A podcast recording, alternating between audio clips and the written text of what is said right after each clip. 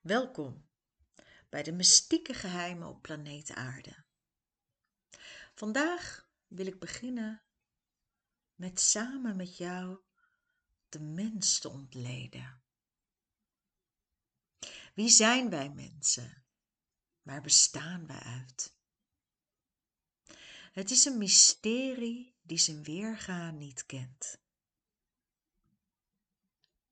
Laten we eens kijken wat er bekend is.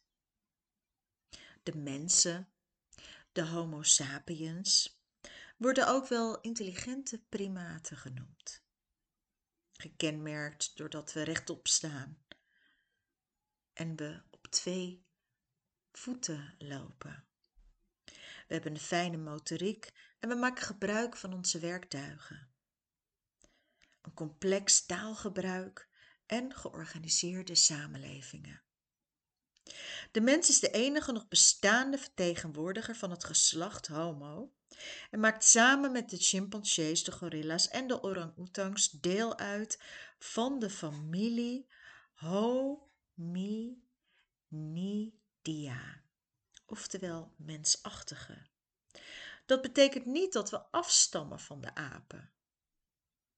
We zijn allebei verschillende soorten, maar we worden dus mensachtige genoemd. Er is één groot verschil met de mens. De moderne mens, zoals we die nu kennen, die ontstond ongeveer 300.000 jaar geleden in Afrika. Tenminste, volgens de ontwikkelingen. Ik ga het een en ander aan informatie met jullie delen maar er zijn zo verschrikkelijk veel verschillende visies op, zoals jullie die mij vaker volgen weten, er ook over de scheppingsverhalen zijn. Vertel ik gewoon de praktische kant en we kijken wel hoe ver we komen. In het volgende deel ga ik spreken over de spirituele kant. Oké. Wat was nou zo'n succes aan onze evolutie? Onder andere dat grotere brein en die goed ontwikkelde prefrontale cortex met die temporale kwabben. En die hebben wij dus nodig, onder andere voor taal, probleemoplossing, maar ook voor de ontwikkeling van socialiteit en cultuur. Mensen gebruiken werktuigen dan ook vaker en effectiever dan elk dier op aarde. En wij zijn natuurlijk het enige levende wezen wat vier vuur kan beheersen, wat voedsel zelf kan voorbereiden, zich kan kleden en allerlei technologieën en kunstwerken kan vervaardigen. Wij gebruiken symbolische communicatie als taal en kunst om onszelf uit te drukken en ideeën uit te wisselen. De mensheid leidde voor het grootste gedeelte van haar geschiedenis het bestaan van jager-verzamelaars. Ongeveer 10.000 jaar geleden, toen veranderde iets. Veel samenlevingen gingen over op een sedentaire levenswijze. De mens begon planten en dieren te domesticeren. Nederzettingen konden groeien tot de eerste beschavingen. Zoals we weten, de allereerste beschavingen van 10.000 jaar geleden in Irak, in Iran en Syrië. Ik beloof jullie, binnenkort ga ik jullie zeker nogmaals extra daarmee naartoe nemen. Het oude Sumerië. Wereldwijd werden er regeringen, religies en culturen ontwikkeld en verenigde de mens zich in allerlei staten en rijken. Vanaf de moderne tijd waren er grote wetenschappelijke, technologische en culturele ontwikkelingen. En ook het milieu veranderde. Het is interessant dat dit dus gebeurde. Het woord mens is een variant van man dat uiteindelijk zou teruggaan op de Indo-Indonesische stam, man denken en mameten. Deze stam is in het Latijn mens, menitus, is geest. In het Grieks menos, in het Sanskriet is het ook weer man, ook weer denken. En zo wordt het uiteindelijk mens. Zoals ik al zei, de mensen waren eigenlijk altijd aan het jagen. En ik kan een hele lange lijst aan je noemen van wat ze zeggen dat de evolutie is. Er worden allerlei namen genoemd. Tot aan de Homo sapiens en de Neandertalers. Maar je hebt bijvoorbeeld ook nog de Homo erectus en de Homo habilis. En er zijn nog veel meer. De Orion, misschien heb je daar wel eens van gehoord. Of de Homini. Het zijn allemaal afstemmelingen van wie wij uiteindelijk dus geworden zijn. Hoe hebben wij ons verspreid? Nou, die moderne mensen, die Homo sapiens, die kwam, uh, ja, die kwam naar Australië. 15.000 jaar geleden ging die naar Amerika. En de afgelegen eilanden zoals Hawaii, Paaseiland, Madagaskar, daar waren ze eigenlijk pas veel en veel later.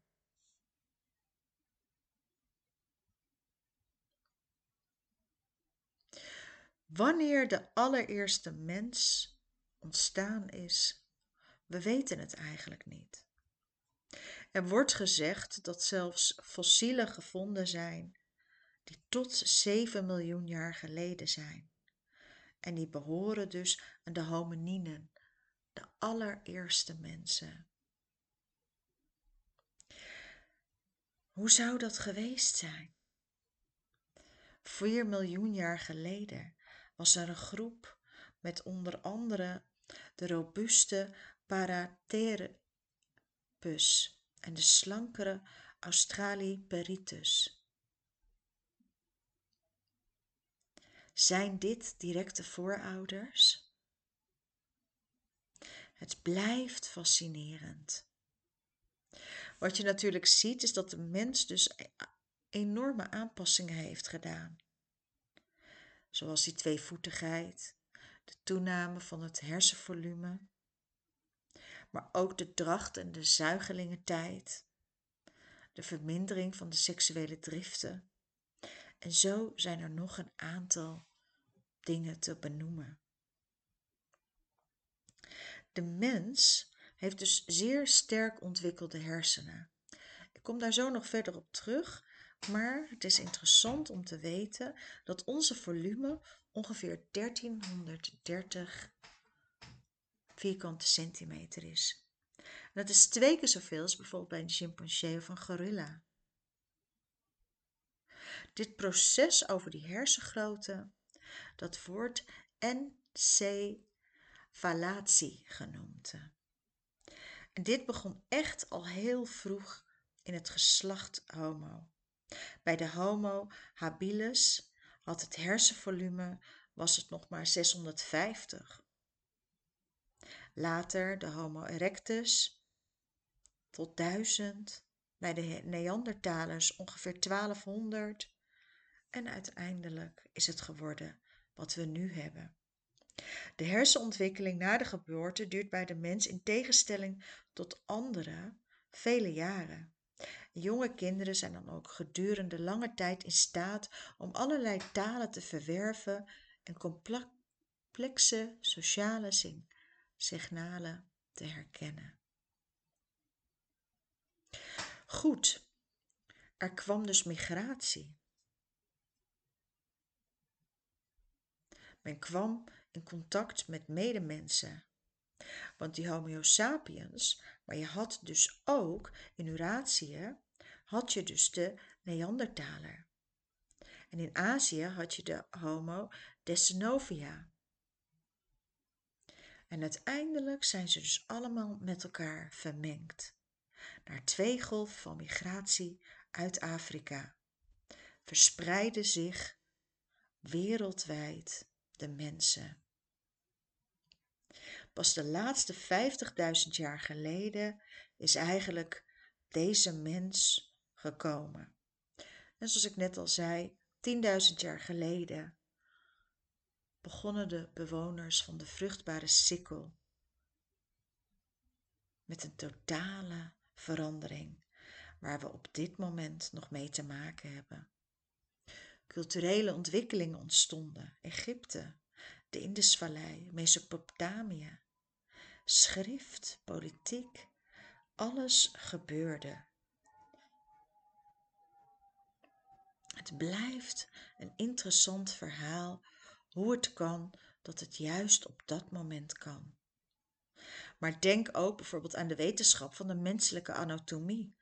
Deze gaat terug tot aan de oude Egyptenaren. De menselijke anatomie is zo bijzonder met alle organen en de orgaansystemen van het menselijk lichaam. De studie van de cellen wordt bijvoorbeeld cytologie genoemd en de studie van weefsels histologie. Anatomie is natuurlijk het menselijk lichaam. Je hebt ook anatomie die de inwendige bouw van de mens met het blote oog bekijkt, ontleed met een mes of een pincet. Zullen, laten we eens kijken naar het systeem van de mens. Het mensenlichaam, wat bestaat uit organen, die weer bestaan uit weefsels, die weer bestaan uit cellen, het menselijk lichaam is uit de volgende systemen opgebouwd: hart- en vaatstelsel. En tot deze behoren dus de hart- en vaat, bloedvaten. Dit zorgt dus voor het transport van het bloed. De spijsverteringsstelsels, de mond, de maag, de darmen, behoren tot de spijsverteringsstelsels. Ze zorgen voor de verwerking van voedsel de endocriën, dat systeem, dat zorgt dat de klieren die de hormonen afscheiden aan het bloed. De exocrine systemen, het systeem, die zorgt dat de klieren zelf stoffen afvoeren.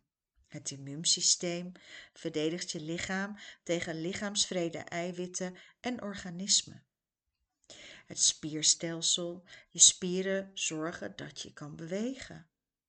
Het zenuwstelsel. Hiertoe behoren de zenuwcellen die zorgen voor de informatieverwerking. Ons ademhalingsstelsel, de longen, de luchtpijp en de longblaasjes zorgen voor gaswisseling in het lichaam, zodat jij kan ademen. Huid, haar en nagels bekleden en beschermen de aardoppervlak.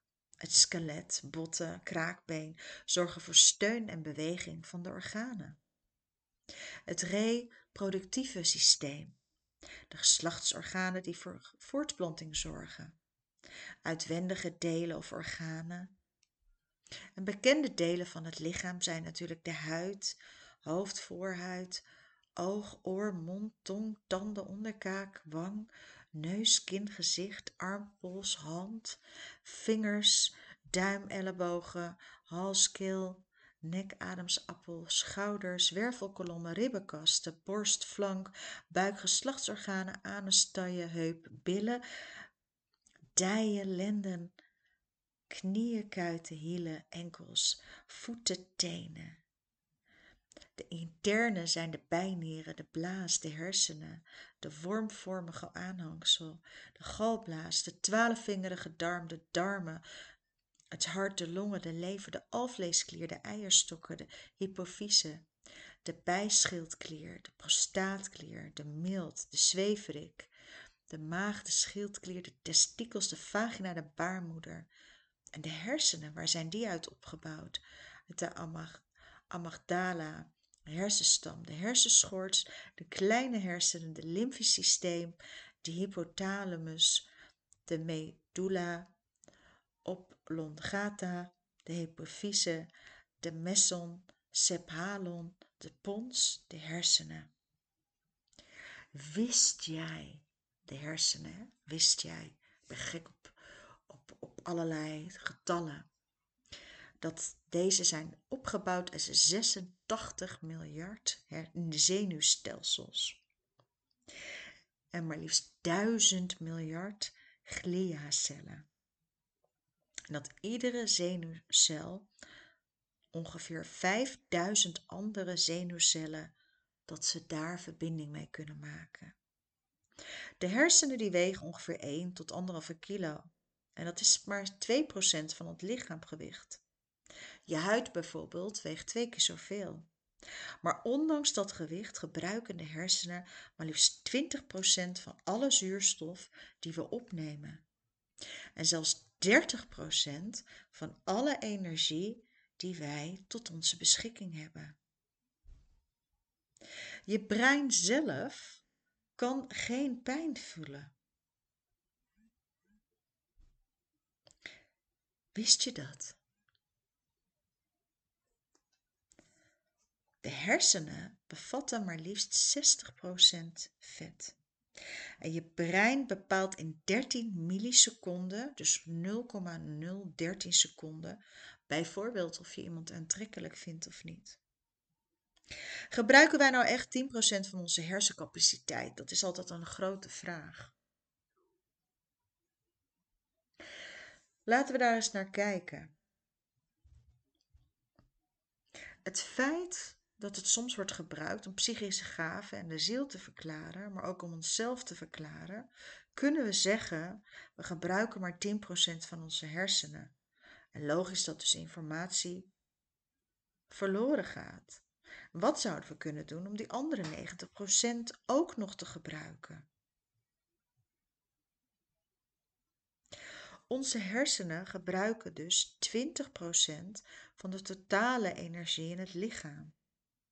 Als het totale energiegebruik van de hersenen zou verveertienvoudigen, dan zouden de hersenen dus 200% van de energie in het lichaam moeten gebruiken. Dat zijn interessante cijfers om eens naar te kijken. De hersenen die werken op zich gewoon heel erg efficiënt. Er is tot op heden nog niet een duidelijke relatie gevonden tussen intelligentie en hersencapaciteit. Er wordt wel gezegd dat de toename in hersencapaciteit dat dat niet goed is. In de medische wereld wordt dat bijvoorbeeld een insult genoemd. Zo'n insult kan in ernstige gevallen leiden tot permanente hersenbeschadiging. Dus moeten we onze hersenen actiever maken of moeten we er gewoon beter mee omgaan? Dat is de vraag. Baby's en kinderen hebben over het algemeen ook veel meer hersencellen dan volwassenen. Dat komt omdat ze tijdens het opgroeien een massale sterfte is onder de neuronen. En tijdens deze sterfte blijven alleen de neuronen over die de connecties hebben gemaakt met andere neuronen. Misschien een beetje overdreven om te zeggen dat de neuronen, die na de sterfte zijn overgebleven van essentieel belang zijn voor het goed functioneren van de hersenen. Zelfs bij het beschadigen van een relatief klein gedeelte van deze cellen kan het beïnvloeden. Hoewel we dus niet onze volledige capaciteit gebruiken, kunnen we wel zeggen dat het gedeelte wat we gebruiken, dat verschilt natuurlijk per persoon, efficiënt gebruikt wordt. Tenminste, dat hopen we. 500 biljoen neuronen bevatten onze hersenen. Nee, dat is dus niet waar. Het zijn er zelfs 100 miljard. En 100 miljard weer van die gliacellen. Dat zijn dus die cellen die de neuronen in een aantal functies ondersteunen. 100 miljard, 500 biljoen. Wat zou je weten als je je kan voorstellen, als onze hersenen 500 biljoen neuronen bevatten, dan zou je lichaam in verhouding 8 kilometer hoog zijn. we moeten onthouden dat het allemaal schattingen zijn. We weten het niet precies. We doen ons best om het te onderzoeken en ook ik heb overal gezocht en dit is een klein beetje wat het is. Tot voor kort werd gedacht dat de hersenen tot wel 50 keer zoveel gliacellen bevatten dan neuronen. Deze schattingen waren gedaan naar het tellen in kleine gedeeltes van de hersenen. Maar ja, je weet het dus niet. Is het belangrijk? Ja. Het aantal cellen in de hersenen doet er niet toe. Wat wel belangrijk is, is een aantal cellen die kunnen verbinden tijdens de jeugd. Hoe meer cellen met elkaar zijn verbonden, des te beter de hersenen werken. Als kinderen op een jonge leeftijd worden uitgedaagd, kunnen ze makkelijker verbindingen maken. Laten we eens kijken naar de darm. Voor de dikke darm ligt de dunne darm en aan het einde van de dikke darm ligt de anus. Die zorgt voor het onverteerde voedsel dat dat als ontlasting het lichaam verlaat. De dikke darm is ongeveer 80 tot 100 centimeter lang. Als je je dan eens voorstelt, je bloedvaten, dus je hebt je darmen. Dit is zoiets bijzonders, slagaders, aders en haarvaten, een wegennet van bloedvaten. Het bloed zorgt dat zuurstof en voedingsstoffen naar je cellen gaat, naar je weefsel en naar je organen. Al die bloedvaten samen maken een gesloten bloedvatensysteem. Maar ook de organen werken nauw samen. Zo zit je hart ertussen om als een pomp alles draaiende te houden. Zorgen de longen voor de aanvuur van zuurstof en de afvoer van kooldioxide. Je nieren nemen afvalstoffen uit het bloed op en zorgen dat je het uit kan plassen. De lever maakt belangrijke eiwitten op en neemt de afvalstoffen op. Bloedvaten zijn als buizen waar bloed doorheen stroomt. De hele dag door, dag en nacht. Ze zijn aan de binnenkant bekleed met laagjes cellen. En deze bloedvaatcellen zijn in staat om bijvoorbeeld afweercellen te laten passeren zonder dat er een druppel bloed naar buiten lekt.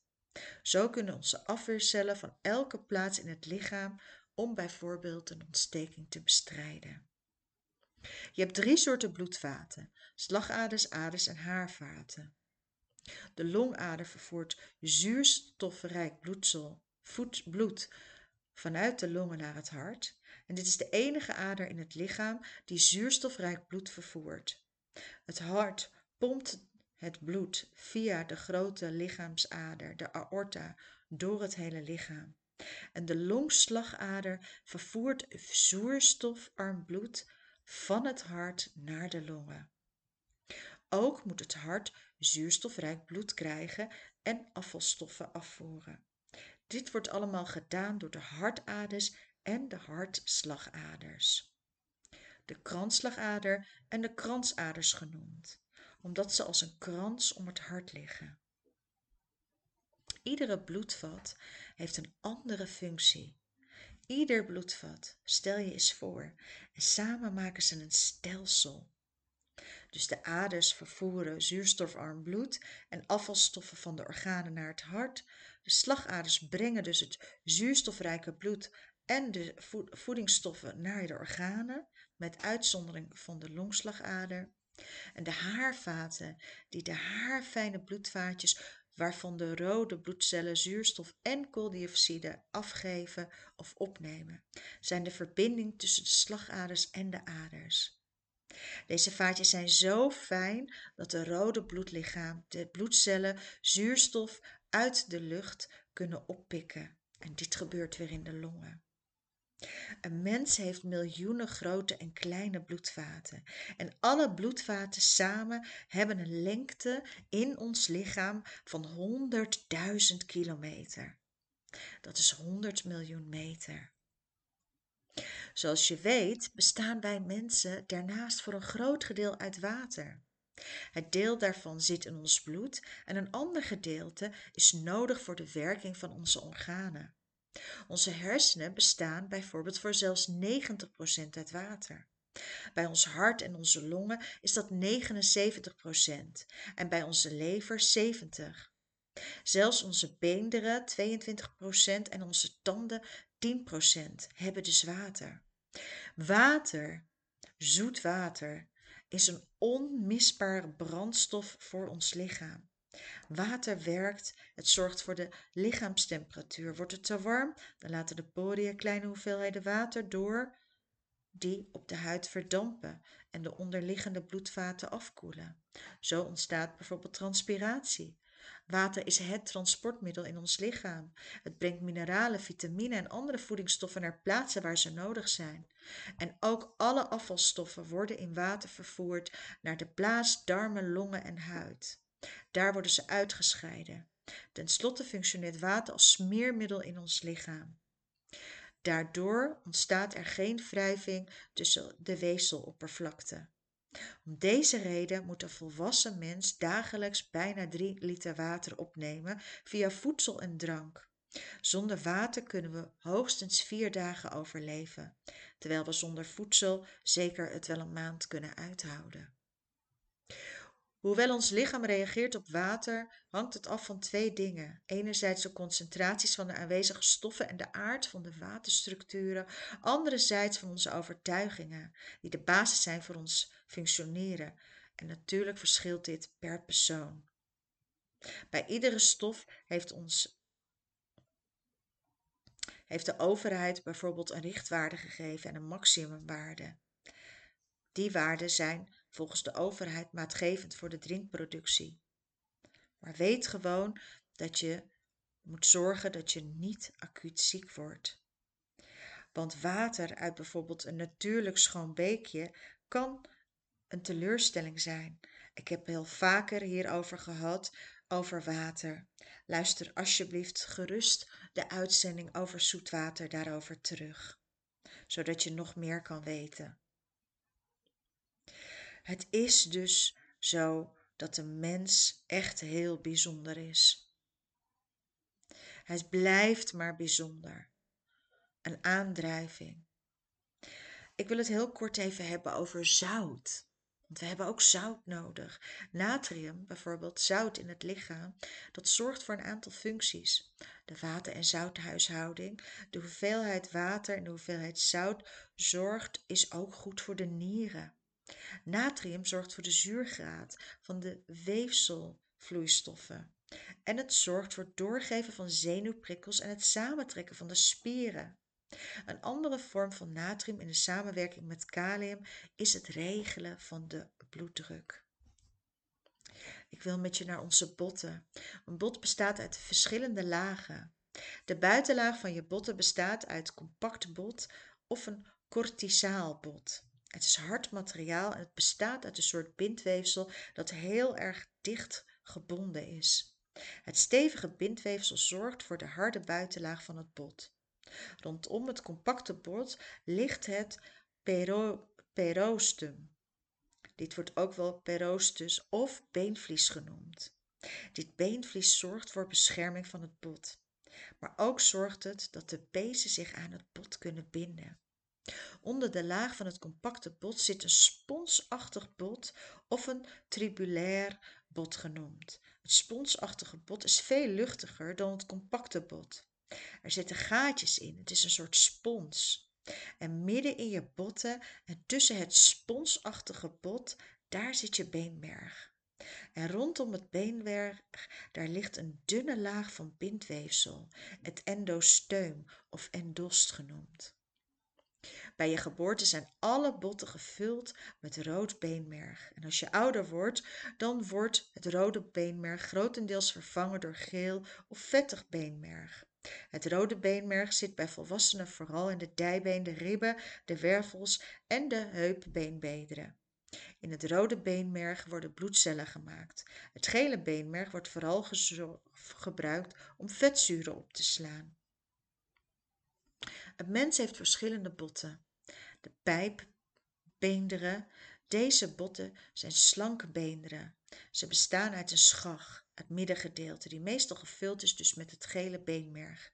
En aan de uiteinden zitten brede stukken die de kop of kom van het gewricht volgen. En in de uiteinden zit meestal het rode beenmerg. Er is ook onderscheid tussen lange en korte pijpbeenderen. Bijvoorbeeld van lange pijpbeenderen zijn dijbeen, scheenbeen, kuitbeen, opperarmbeen, spaakbeen en ellepijp. En de grote pijpbeenderen zijn bijvoorbeeld de middenhandsbeentjes, de middenvoetsbeentjes, vinger- en teenkootjes. Je hebt ook platte beenderen. Bij deze botten ligt de buitenlaag dicht tegen elkaar aan. Een voorbeeld hiervan zijn bijvoorbeeld je schedel, je ribben, schouderbladen en de heupbeenderen. Daarnaast zijn er ook sesambenen. Het sesambeen is een bot dat zich bevindt in het verloop van een pees. Het is bijvoorbeeld de knieschijf, maar ook de handen en de voeten bevinden zich sesambeenderen. Daarnaast hebben we ook nog onregelmatige beenderen. De botten die niet tot de bovenstaande types behoren, worden onregelmatige beenderen genoemd. Voorbeelden van deze beenderen zijn bijvoorbeeld de hand- en de voetwortelbeentjes. Botten, ook wel beenderen genoemd, vormen het skelet van je lichaam. Ze zorgen voor de stevigheid van het lichaam. En ook beschermen botten de organen en de lichaamsstructuren. De schedel bijvoorbeeld, die beschermt de hersenen. De ruggenwervels beschermen je ruggenmerg. En de borstkast beschermt de hart en de longen. Verder zorgen de botten in samenwerking met de spieren ervoor dat je je lichaam kunt bewegen. Het menselijk skelet bevat ongeveer 206 botten. Sommige mensen hebben door anatomische variaties iets meer of iets minder botten. Meestal hebben ze bijvoorbeeld meer of minder wervels. Als je wordt geboren heb je meer dan 270 botten. Maar doordat een aantal van deze botten aan elkaar gaan groeien, blijven er uiteindelijk 206 over. Het grootste bot wat je hebt is het dijbeen. En het kleinste botje is het stijgbeugel. Deze zit in je oor. In alle botten zitten rode en witte bloedlichaampjes. Herstel, bloedcellen. Rode bloedcellen zijn belangrijk voor het vervoeren van zuurstof door het bloed. Witte bloedcellen zijn vooral belangrijk voor de afweer. Ook worden in je botten mineralen opgeslagen. Problemen die kunnen ontstaan bij je botten zijn bijvoorbeeld een botbreuk, osteoporose, een botgezwel of te veel bacteriën. Hoe zit het nou met bacteriën en antibiotica? Wist jij bijvoorbeeld dat antibiotica alleen effectief kan zijn tegen bacteriën en nooit tegen virussen? Het is daarom ook dat virussen een hele andere vorm zijn en ook zich heel anders delen dan bacteriën. Antibiotica wordt bijvoorbeeld geproduceerd door micro-organismen, zoals bacteriën en schimmels, met als doel om zichzelf te beschermen tegen andere schadelijke bacteriën. Bacteriën zijn kleine levende organismen die eencellig zijn. Ze hebben altijd een wisselende wanddikte om zichzelf tegen elementen van buitenaf te beschermen. En bacteriën, zo, die hebben wij. We hebben meer bacteriën in en om ons lichaam dan we cellen hebben. Wanneer bacteriën in een deel van ons lichaam belanden waar ze niet thuis horen, refereren we naar een bacteriële infectie. Bacteriën zijn kortom overal en ze zijn er in allerlei soorten. Ze kunnen heel nuttig zijn, want ons lichaam bevat heel veel bacteriën die ons kunnen helpen om gezond te blijven. Bacteriën in het milieu zorgen voor de afbraak bijvoorbeeld van organisch afval.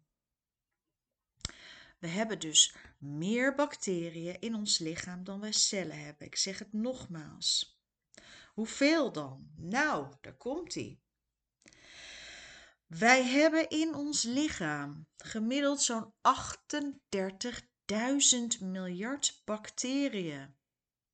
Een bacterie kan zich elke 20 minuten vermenigvuldigen. Dat betekent dat er bijna 500 herstel 5000 miljard bacteriën kunnen ontstaan uit één bacterie per dag.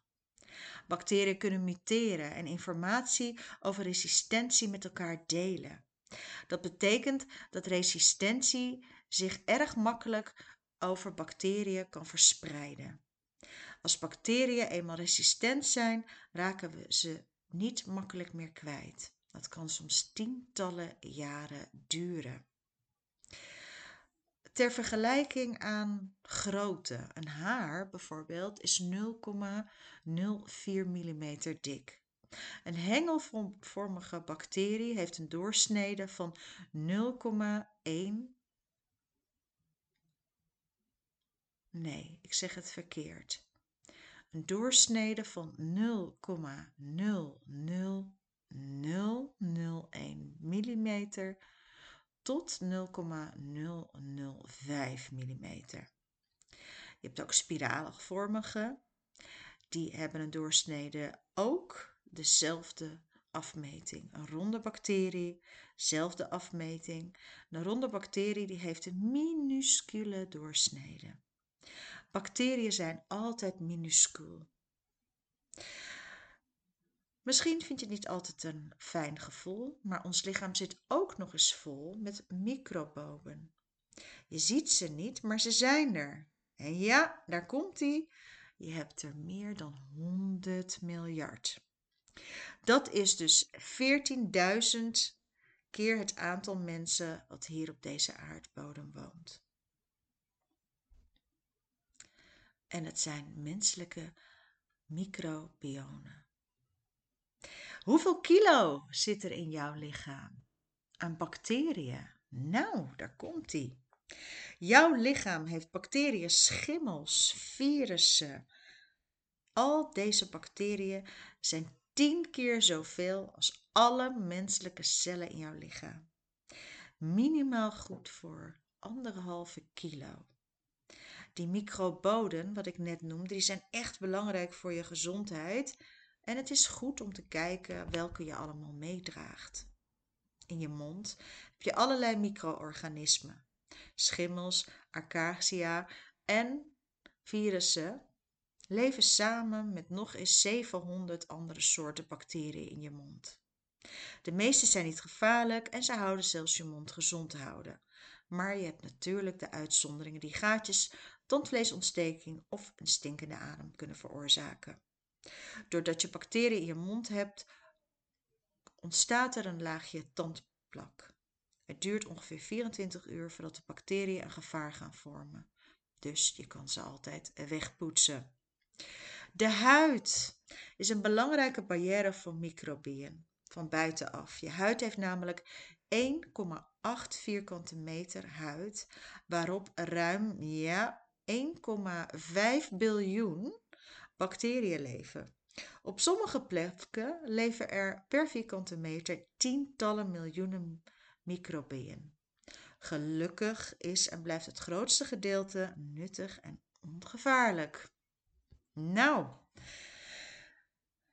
ik heb met je gesproken over je botten, je hersenen, de bacteriën en nu eentje die heel belangrijk is, want zonder deze kunnen we echt niet leven en dat is ademen. Per dag eh, kan je ademen. Nou, ik ga eerst wat vertellen. Dus met iedere ademhaling krijg je vloedgolven van microbieën naar binnen. En uh, ze kunnen soms gevaarlijk zijn voor je gezondheid. Slijmvliezen in de neusholte, luchtwegen. Ja, uh, die kunnen daar blijven plakken. En uh, de eerste verdedigingslinie van het lichaam is dat tegen gevaarlijke micro-organismen. Goed, hoe vaak adem jij per dag? Misschien wist je het al, maar bij deze geef ik het je nogmaals 21.600 keer. Je ademt ongeveer 11.000 liter lucht. Een volwassene ademt per minuut tussen de 12 en 20 keer. Gemiddeld ademt een gezonde volwassene 15 tot 16 keer per minuut. Als je sport, kan de frequentie toenemen tot 40 of 60 keer per minuut zelfs. Nou. In rust heeft een volwassen persoon van 70 kilo dus een ademfrequentie van ongeveer 12 minuten. Van 12 per minuut. Dus dat is 17.820 ademhalingen per dag. In die tijd ademt die persoon dus maar liefst 800, 8640 liter in. Cijfers kunnen natuurlijk altijd hoger zijn, zoals ik al zei. Een ademhaling duurt ongeveer 4 seconden, maar soms gaat het ook wel weer omhoog. Nou, ik wil graag je eh, meenemen naar de darmen. De darmen die zijn namelijk de hoofdstad van je uh, microbieën. Hier bevindt zich 99% van de 100.000 miljard microbieën die zich overal in je lichaam bevinden. Deze microbieën moet je dan ook niet onderschatten voor je gezondheid. Een heel klein gedeelte kan gevaarlijk zijn. Want je hebt natuurlijk je lichaams-eigen microbieën. Deze werkt samen met het immuunsysteem die je weer beschermt tegen allerlei ziekteverwekkers, ook wel pathogenen genoemd. En het aantal bekende pathogenen ligt ongeveer rond de 1400. Heel veel zijn er ook nog niet ontdekt, dus we weten dat gewoon nog niet. En vandaag geef ik je dus echt alleen maar uh, ja, informatie. En zoals je weet is er in de wetenschap heel erg veel wat gewoon wel of niet duidelijk is. Vandaag wil ik je eigenlijk alleen maar gewoon een aantal informatieve dingen geven. Waarvan je misschien dacht: oh, zo ziet de mens er dus uit.